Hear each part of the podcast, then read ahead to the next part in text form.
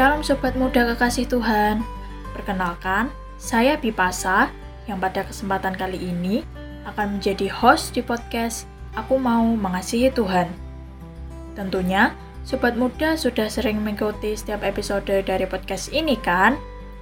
Podcast yang dibuat oleh Wonogiri Student Revival atau WSR ini mengajak Sobat Muda untuk belajar mengasihi Tuhan.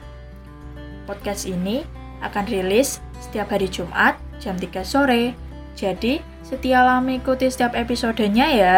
Jangan sampai ada yang terlewatkan, supaya sobat muda bisa belajar dengan lengkap dan bisa mengalaminya dalam hidup sobat muda semua. Oke sobat muda semua, sekarang kita akan ngobrol-ngobrol lewat segmen BTW, Bincang-Bincang Teman Weekend. Pada BTW kali ini, saya tidak sendirian saya akan berbincang-bincang dengan tamu spesial untuk bisa belajar bersama. Siapakah tamu spesial kita kali ini? Jangan ke mana-mana, stay tune terus di sini ya. BTW kali ini merupakan rangkaian topik belajar dari salah satu tokoh di Alkitab, yaitu Simpson. Nah, pada episode BTW minggu ini, kita akan masih membahas tema yang serupa dengan minggu lalu, yaitu mengenai Allah yang setia dan Simpson yang tidak setia. Dan saat ini, saya sudah bersama dengan teman weekend kita yaitu Mas Ian. Yuk kita sapa dulu teman weekend kita. Halo Mas Ian, bagaimana kabarnya? Halo Bivasa, puji Tuhan, kabar saya baik, saya juga sehat. Bivasa sendiri gimana kabarnya? Puji Tuhan, kabar saya baik. Bersyukur saya juga sehat Mas Ian. Oke mas, langsung saja. Minggu lalu kita sudah belajar mengenai tokoh Simpson dari Hakim-Hakim pasal 14. Kita sudah belajar tentang peristiwa di mana Simpson jatuh suka dan ingin menikahi seorang gadis Filistin, tentang bagaimana Simpson ini mengalahkan singa dengan kuasa roh Tuhan, tentang Simpson yang mengambil madu dari bangkai singa yang dikalahkannya itu, sampai tentang perjamuan dan teka-teki Simpson. Nah, kemudian bagaimana ya Mas Ian kelanjutan dari kisah Simpson ini? Oke, Bipasa. Kita akan sama-sama belajar mengenai kelanjutan dari kisah Simpson ini dari kitab Hakim-Hakim pasal 15. Cukup banyak peristiwa yang terjadi di Hakim-Hakim 15 ini. Jadi sobat muda bisa baca sendiri dengan lebih lengkap ya. Saya akan coba bagikan secara sekilas saja. Nah, sebelum itu, kita lihat dulu sejenak di Hakim-Hakim pasal 14. Kita tahu ya, Simpson ini menikah dengan seorang gadis Filistin yang tinggal di Timna. Dan di akhir pasal 14, Simpson yang dikuasai oleh kemarahan itu pulang ke rumah ayahnya. Nah, di pasal 15 ini, ketika sedang di musim panen gandum, Simpson pergi untuk mengunjungi istrinya. Nah, namun ayah mertuanya Simpson atau ayahnya si istri Simpson ini melarang melarang Simpson untuk bertemu dengan istrinya. Dan ternyata ayah mertuanya Simpson ini sudah memberikan istrinya Simpson kepada kawannya Simpson. Nah mendengar hal itu, Simpson nggak terima. Simpson marah dan Simpson mengancam akan mendatangkan celaka kepada orang-orang Filistin. Nah, kemudian Simpson melampiaskan kemarahannya itu dengan membakar membakar ladang gandum dan kebun-kebun pohon zaitun milik orang-orang Filistin. Nah, bagaimana Simpson melakukannya? Jadi Simpson itu awalnya menangkap 300 anjing hutan, kemudian mengikat anjing-anjing hutan itu berdua-dua ya dengan tali. Dan pada ikatan tali itu Simpson menaruh obor yang menyala. Nah, lalu Simpson melepaskan tuh 300 anjing hutan itu ke ladang-ladangnya orang Filistin. Sehingga ladang-ladangnya orang Filistin dan kebun-kebun pohon zaitunnya itu terbakar semuanya. Nah, akibat perbuatannya Simpson ini, orang-orang Filistin marah. Dan mereka pergi ke rumah mertuanya Simpson untuk ngapain? Untuk membakar ayah mertuanya Simpson dan juga untuk membakar istrinya Simpson. Wah, ngeri juga ya, sobat muda. Dan ternyata rantai kemarahan serta dendam ini tidak berhenti di situ loh. Masih terus berlanjut. Kali ini Simpson yang ingin balas dendam. Simpson yang mendengar bahwa ayah mertuanya dan istrinya itu sudah dibakar oleh orang-orang Filistin, Simpson balas dendam. Simpson mukul dengan hebat banyak dari orang Filistin itu. Sehingga banyak dari orang Filistin itu mati. Nah setelah itu Simpson pergi ke sebuah gua di Bukit Batu Etam namanya. Nah lanjut lagi ya sobat muda. Ketika orang Filistin tahu bahwa Simpson sudah membunuh banyak orang-orang sebangsanya, orang-orang Filistin ini pergi dan mereka berkemah di daerah Yehuda. Tidak hanya berkemah, tetapi orang-orang Filistin ini juga menyerang orang-orang Yehuda. Untuk ngapain? Orang-orang Filistin ini ingin mencari Simpson dan ingin menangkap Simpson. Nah, orang-orang Yehuda yang diserang pun panik nih. Karena panik, orang-orang Yehuda mendatangi Simpson nih. Nah, singkat cerita ya, orang-orang Yehuda mendatangi Simpson, kemudian menyerahkan ya, mengikat Simpson dan menyerahkan Simpson itu kepada orang-orang Filistin yang ada di Lehi pada waktu itu. Ketika Simpson sampai di Lehi, roh Allah berkuasa atas Simpson. Dan Simpson yang pada waktu itu di tali nih, mampu melepaskan diri dari ikatan tali itu. Kemudian Simpson mengambil tulang rahang keledai yang masih baru, dan hanya dengan seorang diri, ia menggunakan tulang rahang keledai yang masih baru itu untuk memukul mati seribu orang Filistin. Wah, hebat banget ya. Kuat banget nih si Simpson ini. Nah setelah peristiwa itu dikisahkan Simpson kehausan nih, Simpson kehausan dan dicatat baru di saat itulah Alkitab mencatat bahwa Simpson berdoa kepada Tuhan. Dan pada waktu itu untuk apa? Untuk meminta air ya. Simpson berdoa untuk meminta air. Sebelumnya belum pernah diceritakan nih peristiwa di mana Simpson berseru berdoa kepada Tuhan. Nah singkat cerita Tuhan menjawab doanya Simpson dan memenuhi kebutuhannya. Di akhir pasal 15 ini, Disebut, disebutkan juga bahwa Simpson memerintah sebagai hakim atas orang Israel selama 20 tahun di dalam masa penjajahan orang Filistin. Nah, jadi itu sekilas ya sobat muda cerita-cerita yang terjadi di Hakim-Hakim pasal 15 ini. Wah, ternyata banyak sekali ya sobat muda peristiwa menarik yang kita dapatkan dari Hakim-Hakim pasal 15 ini. Nah, saya jadi penasaran nih Mas Ian. Tema dari episode BTW kali ini kan tentang Allah yang setia dan Simpson yang tidak setia. Jadi, sebenarnya di bagian peristiwa manakah yang itu menunjukkan kesetiaan Allah? Dan sebaliknya, di bagian peristiwa manakah yang itu menunjukkan ketidaksetiaan Simpson? Oke, Bivasa. Saya akan memulai dari ketidaksetiaannya Simpson dulu ya. Nah, kita tahu nih bahwa Simpson ini adalah seorang nasir Allah ya. Dan semestinya hidupnya Simpson ini nggak boleh sembarangan. Seharusnya hidup Simpson ini karib dengan Tuhan, melakukan apa yang dikehendaki Tuhan. Nah, tetapi realitanya di pasal 15 ini tidak menunjukkan demikian, sobat muda. Ya, kita lihat ya, di awal pasal 15 ini, kita bisa lihat bahwa Simpson begitu dikuasai oleh emosi kemarahan dan perasaannya kemarahan dan keinginan balas dendamnya Simpson inilah yang kemudian membuat Simpson mencari gara-gara dengan orang Filistin.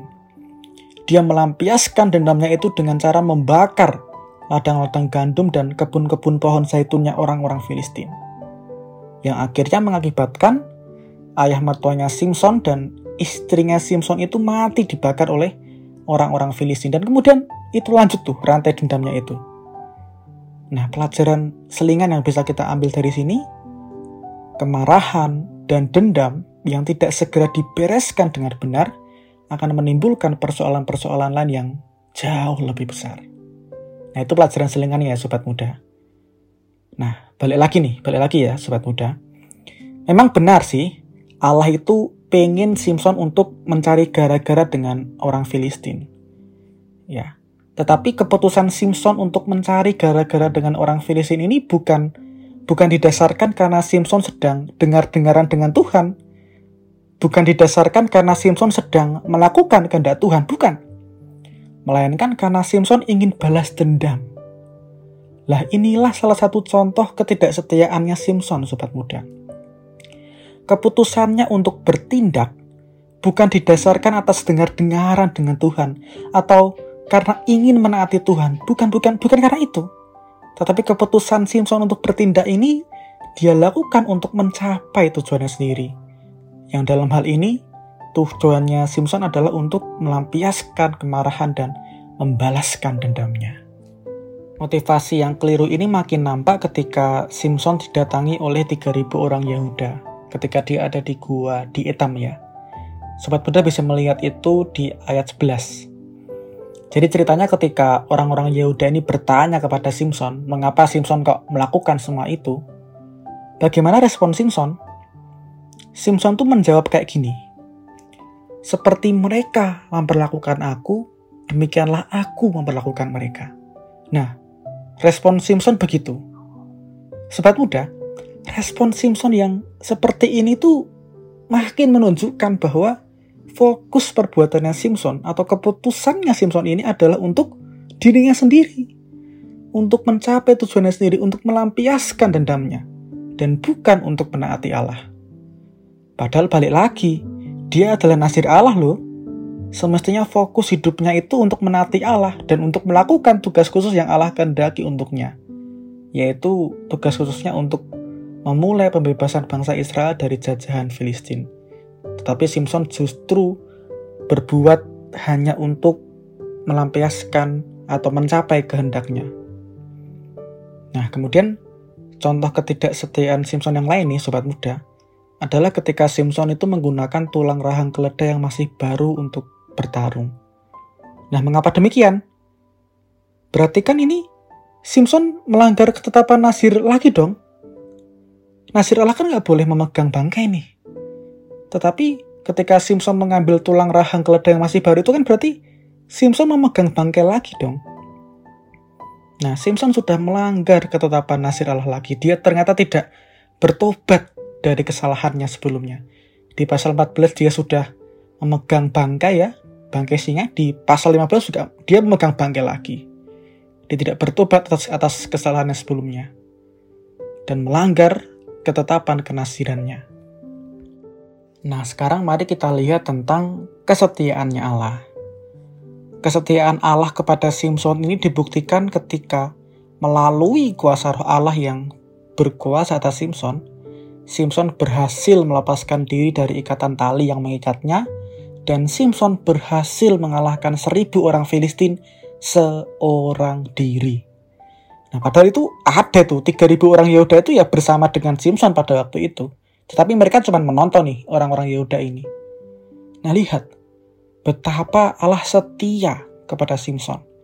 Karena kesetiaannya Allah itu, karena kuasanya Allah itu, Simpson yang seorang diri berhasil mengalahkan seribu orang Filistin.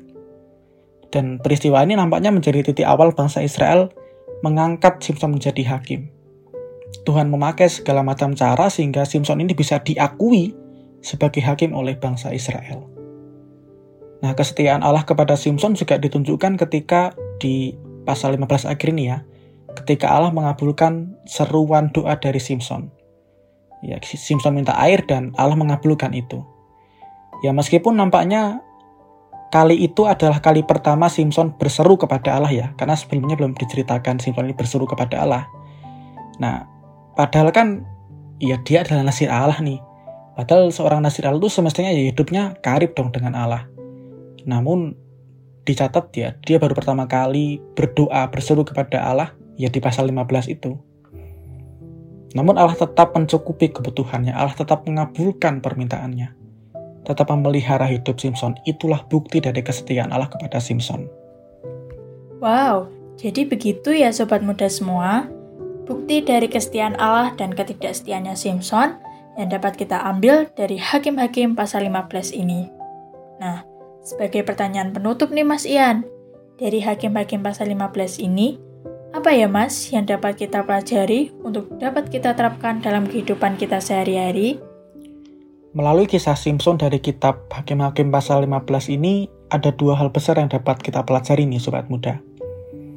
Pelajaran yang pertama, jika Tuhan merencanakan sesuatu untuk umatnya, Tuhan pasti setia melakukan bagiannya tahap demi tahap, secara sempurna dan tidak ada yang lalai.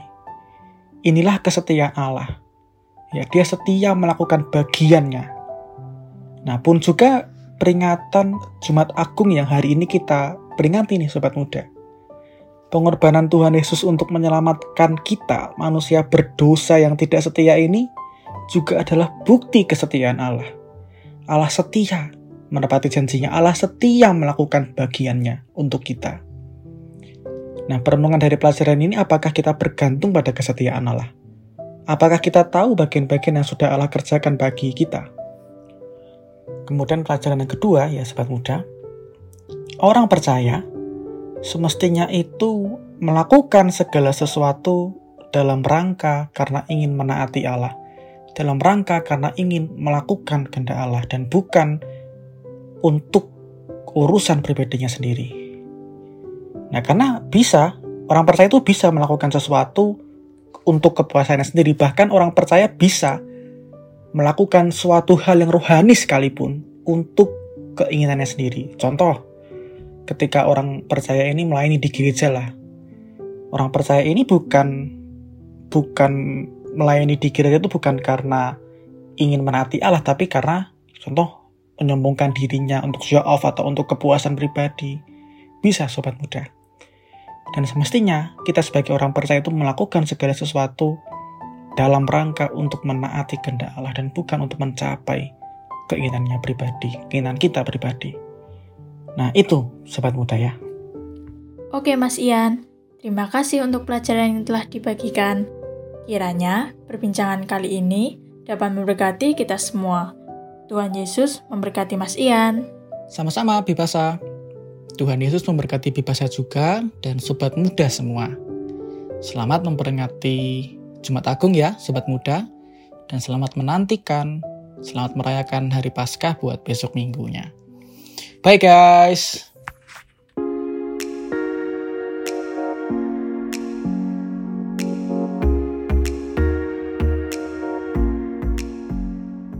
Sobat muda kekasih Tuhan, senang sekali ya hari ini kita bisa belajar bersama lewat bincang-bincang teman weekend. Sobat muda jangan sampai terlewatkan untuk mendengarkan bincang-bincang teman weekend minggu depan ya. Minggu depan kita akan belajar lanjutan mengenai tokoh Simpson ini. Tentunya, bincang-bincang minggu depan tidak kalah seru untuk kita pelajari dan kita alami bersama. Kalau ada sobat muda yang ingin berdiskusi, bertanya, ataupun memberikan masukan, sobat muda bisa sampaikan lewat Instagram WSR di @wsstudentrevival. Oke, sekian podcast kali ini. Gabung lagi minggu depan ya. Tuhan Yesus memberkati.